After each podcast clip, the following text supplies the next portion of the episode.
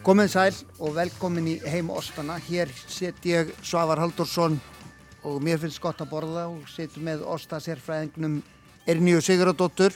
Henni finnst líka gott að borða og okkur finnst gott að borða Ósta meðal annars. Eh, við erum búin að tala um eitt og annað í þeim sjö þáttum sem að búnir eru.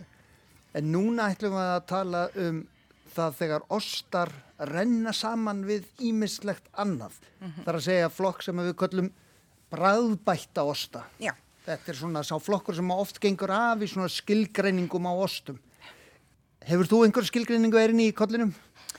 Það er tvent, uh, ok, það er tvent í þessu sumir, harðir ostafræðingar um heimallan eða eru eru stundum aðilar sem að myndu líta hortnöga á bræðbætt osta mm -hmm. finnst þeim ekki nógu verðingaverðir en ég persónlega er mjög hrifin og, og einn ástæðin atna, fyrir því að í raun og þessi ostar þróast er kannski það að í gamla daga þegar kannski var ekki mikið til matar á heimilinu kannski einn svona þurkubrauðskorpa og, og, og smá osbytti á heimilinu og jafnvel einhver kjöti eða fyrstbytti sem var ekki alveg på sér tverskasta að þá byrjuðu aðilar að taka búið því að setja svona satt læknistjurtir í ostana og svo að í raun og veru á sama tíma að þú varst að borða þá var osturinn líka kannski aðstofi meldingu, mm -hmm. laga slímhimnu og jafnvel hafa sóttrensanda eiginleika þú veist þetta eitt, eitt frægasti og eitt að mínum að þetta skemmtilegasti svona Bræðbætti ostur er, er frá Derbyshire í Englandi og heitir Sage Derby. Og heimil, veist það eru heimildur um hann langt, langt aftur í tíman og það var einmitt þetta, Salvían, alveg ótrúlega læknisjört, hún var viljandi sett út í ostin til þess að ég raun og veru að vera allra bóta megin á meðan malti stóð og eftir á. Um, svo já, bræðbætingarnar eru alltaf skemmtilega því að það eru endalösa, það er bara hugmyndaflugi ræður. Hvað við gerum. Og við raunni áttum okkar útgáðu þessu fyriröldum þegar við vorum að bragbæta skýr mým sem hætti. Absolutt. En núna erum við með uh, bara bragbæta osta út í, út, út í búð hérna í okkur. Við erum með alls konar pipar og chili og kvítlögg og gúmen og guðum og veit að hvað. Já. Eh, það eru engin takmörk fyrir þessi raun og veru. En hver eru samt svona frægust og stæstu dæmin? Hvað myndir þú segja að uh, maður verði að smakka í þessum flokki. Ok, aftur hérna, að því að eins og segi, sögulega þá var þetta gert sem, þú veist, að þetta, að þetta átt að spila hlutverk uh, þegar maður borðaði ostin og þú veist, einir stærstu aðlar í ostaframlegslu yfir mörg hundra ára tímabeil voru hollendingar. Þeir voru mjög viðtækir og voru í miklum útflutningi á ostum þú veist fyrir mörgundru árum.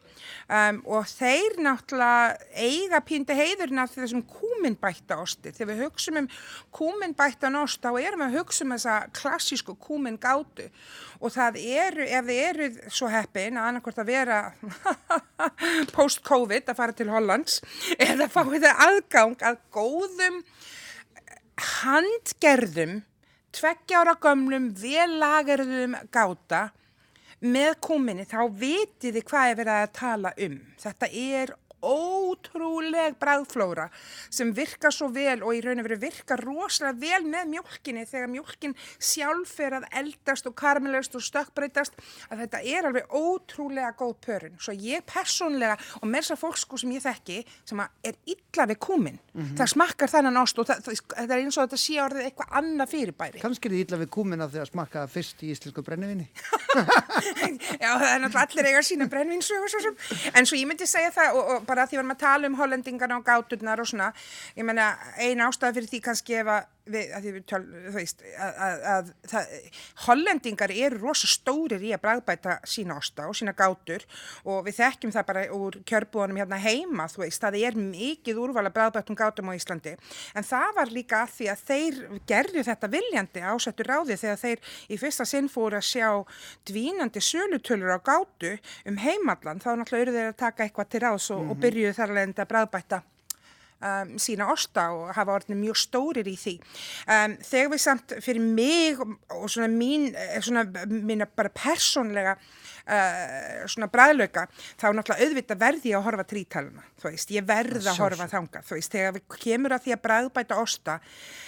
En ítalinir, þeir sínist mér fara svolítið öðruvís að því þeir eru ekki jafn mikið að koma innan frá og út, heldur meira utan frá og inn, er það rétt skinninn? Já, neða, þetta er mjög vel orðað og þetta er kannski ákveðin líka heiðarlegi, heiðarlegi við landið, ég meina við, við tölum mikið um, um, um þú veist, terroir og slow food og, og, og, og í raun og veru skildleika uh, matvæla af sama svæði og svo framvegs og það er oft í raun og veru verið að virða nærum hverfið mun meira. Uh, eitt af mínum uppáhaldsbræðbættu ostum er frá uh, Pepino Celli í, mm -hmm, í, mhm, Lombardi akkurat. og það er ostur sem er vafinn inn í hei það hljómar voðalega einfalt en þú hugsaður þetta er sami gróður og kusunar eru að neyta svo mm. þú veist í mhm. raun og veru þú ert að fá eh, ákveðna, þú veist það sem að fyrir inn í skeppninu og hefur áhrif á mjölkuframljósluna er svo aftur að fá, þú veist, þarna í, í setnaferlinu er komið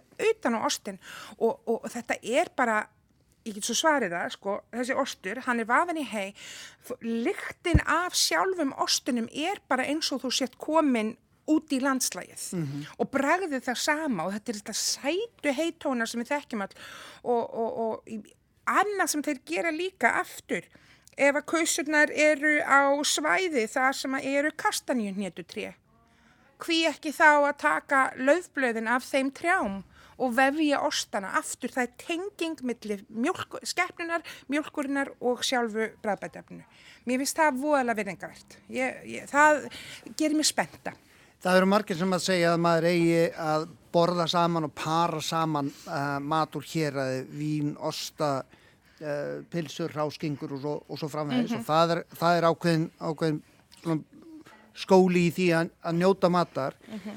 uh, síðan líka ágætt fyrir fólk að þegar það er að fara af því að auðvitað er eru ostar er ofsalega stór flóra mm -hmm. stundum getur verið gott að leita að bara vottunum mm -hmm. eins og þessu svo kallar DOP, já, já uppruna vottunar mm -hmm. sem að Evropasambandið er með mhm. við hérna íslenskir ostar hafa ekki verið sett undir undir þetta, það er, það er bara lambakjötur og lópapeisan sem er eh, undir þessu kerfi.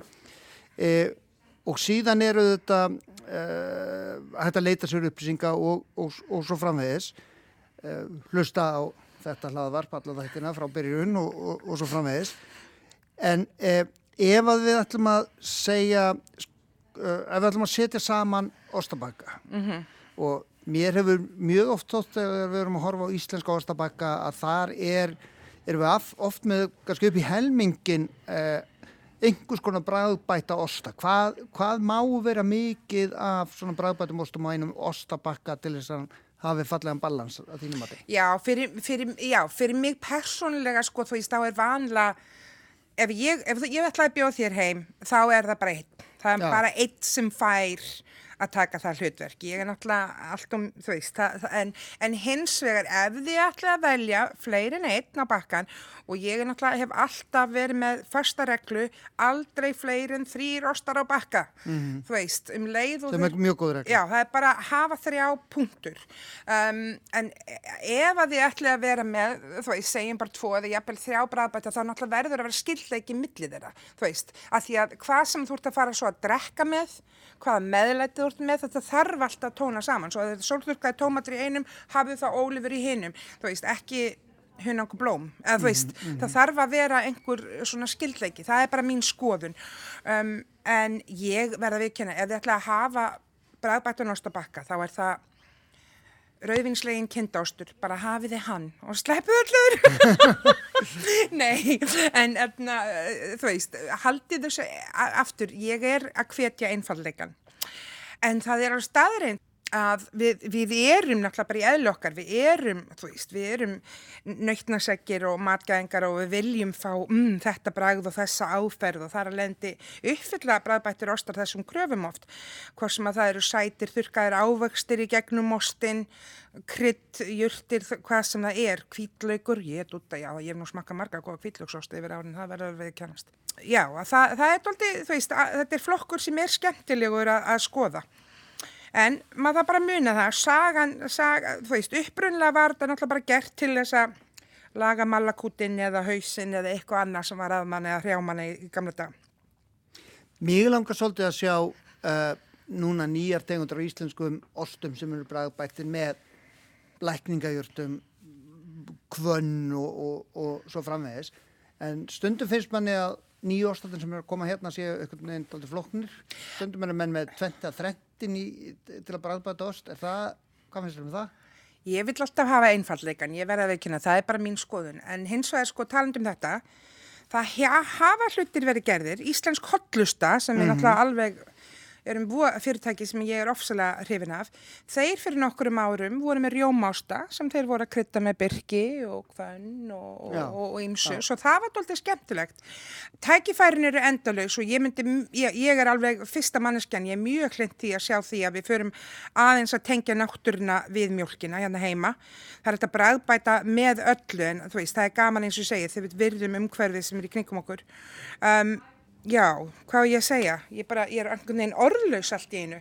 Þegar þú farið að hugsa já. um fólk sem setur margar mismunandi bræðtöfundur í bræðbæta ásta, þá ræður þau ekki fyrir nexta. Nei, nei, einfallleikin, einfallleikin, eitt hráöfni er nóg. Þegar þú bræðbætir ost, þá er osturinn náttúrulega nummer 1, 2 og 3. Það er bræðið og allt sem þú bætir þarf að sína virðingu við, við þann hlut. Svo að, að þú veist að, að, að það annars er við bara komin í 1980 sko fjúsunmandagerð sem að, þú veist, mango chutney og balsamik og, og rauðvinskljái á og, sama disk. Og allir setja á sig grifflur bara og safna síðu aftan. veist, þetta má ekki, þetta má ekki. Nú er alveg komið jól. Uh, við erum búin að tala um ímislegt og í síðasta þætti þáttulegum við um, um, um gráðostana sem eru mjög jólalegir, sérstaklega í sko, Norður-Evrópu. En við hefum kannski ekki alveg náð að fara í þessum þáttum uh, mikið til Norðurlandana mm -hmm. tölum um, um, um, um Danebló en einhver einn Norðurlanda ost sem að myndi falla í þennan flokk sem að þú myndir mæla með þér, eitthvað sem að kemur upp í hugan Mjög, Danirnir hafa nú verið mjög, da, dönsk ostagerði er, er, er, er skemmtilega mínu mati og, og eitt af því sem að mér finnst gaman þannig að tala um bræðbætuðingu er reyktirostar. Þeir eru mm. ágættir því eins og röguost, indislu ferskostur, aftur reyktur með hei, þar, mm. þú veist, uh, svo að ég myndi alveg segja að, veist, að það er eitthvað til að slita til. Eitt sem var svona allt í einu að því að ég var orðlaus á þann og, og allt í einu kom upp í kollunum á mér er að við hérna á Norðurlöndum erum doldið heppin. Við töluðum um þetta í kvítmiklu ostaþættinum okkar að mm -hmm. stundum þú veist hérna heima eru kannski ostarnir ekki alveg komnir á rétt froskunastig mm -hmm. þegar þeir eru komnar í vestlanir. Þetta gæti verið álitið sem neikvægt eða eins og ég velt að sagt þetta er doldið jákvægt. Því að segjum sem svo að ég vilji bregðbæta ostin minn sjálf Eitt, eitt af því sem ég hef til dæmis ráðlegt fólki hérna heima og núna eru jólun að koma og þið viljið svona aðeins svona slá um ykkur og gera eitthvað svakaflott. Kvítnuglóstar sem eru kannski yngri kantinu eru alveg fullkomnir til þess að búa til fyllingar í eða bræðbæta.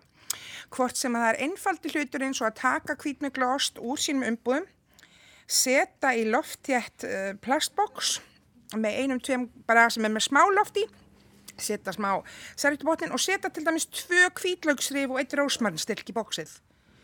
Setja þetta í áhastaskúfuna og býða í tvær vikur. Þetta hljómar frábærlega. Þannig er þú búin að bræðbæta ost. Þannig er þú búin að bræðbæta ost upp á eigin spýtur. Já. En í... uh, af því að við erum að eins og vananlega renn út á tíma, við getum gert heila þáttaröði viðbött um hvernig maður eldrar á rostum. Við getum gert heila þáttaröði viðbött um svæði, norrænir, breskir hollenskir, Já, franskir. ostamenningin svo mismundi eftir löndum. Ítalskir, spænskir, meira segja amerískir ostar Já, mm -hmm. geta verið mjög góðir margir. Mm -hmm, mjög svo. En tíminn er að ræna frá og bráðum fara að koma jól. E, og þá ætlum við að þurfum að gera jólaþátt. Já, en þá ætlum við að borða alltaf vostum um, um jólin. Já. og hvaða þrjá osta eigum við að setja á bakkan á aðfakardagskvöld eða við setjum niður í stofunni til þess að opna bakkana Ó, það verður að vera gráðastur og á mínu heimili er alltaf stiltón. Það mun aldrei ekki vera stiltón. Svo það er alveg nummer 1, 2 og 3. Á mínu heimili, við, erum, við tölum um uh, Ítaljuna og það er alltaf ein, ein kind. Við erum mikil kinda mm. fjölskylda, pecorino. Og einn af okkar uppáhalds er kastanju, um, um, kastanju löfblöðsvafin uh, pecorino. En þriðji, og náttúrulega aðeins halda okkur hérna heima, halda í umhverfið okkar. Og að mínu mati, íslenskur núna er uh, við verið að lagara mikið af okkar klassísku ostum meira. Og við erum að fá uh, þessa 12 plus línu af ostum hérna heima og þar á meðali eru til dæmis íslenskur ísbúi sem er komin Sem er svona tvö góð. ár. Já, já. Þetta er, ég meina, þetta er, þetta er umami, þetta er kjöt, þetta er, veist, þetta er, er herfóringi, þetta er virðulegur rostur. Svo að þú veist, fyrir mér myndi ég alveg vera til í að hafa einn af þessum þremur svo ég sé svona, tóltið, svona alþjóðleg. Að þá þarf einn að vera hérna, heima alinn og, og þá myndi það í mínu tilfelli vera ísbúin. Frábært. Íslenskt er best, það finnst okkur og, en líka margt annað og við þökkum fyrir okkur í bíli og við sjáum mögulega aftur í næstu seríu ef að úr verður eða við fáum að hella meira úr okkar ostaskálum. Hvað segir heldur að við fáum að tala meira? Hver veit? Við þökkum fyrir í bíli. Takk fyrir. Bless.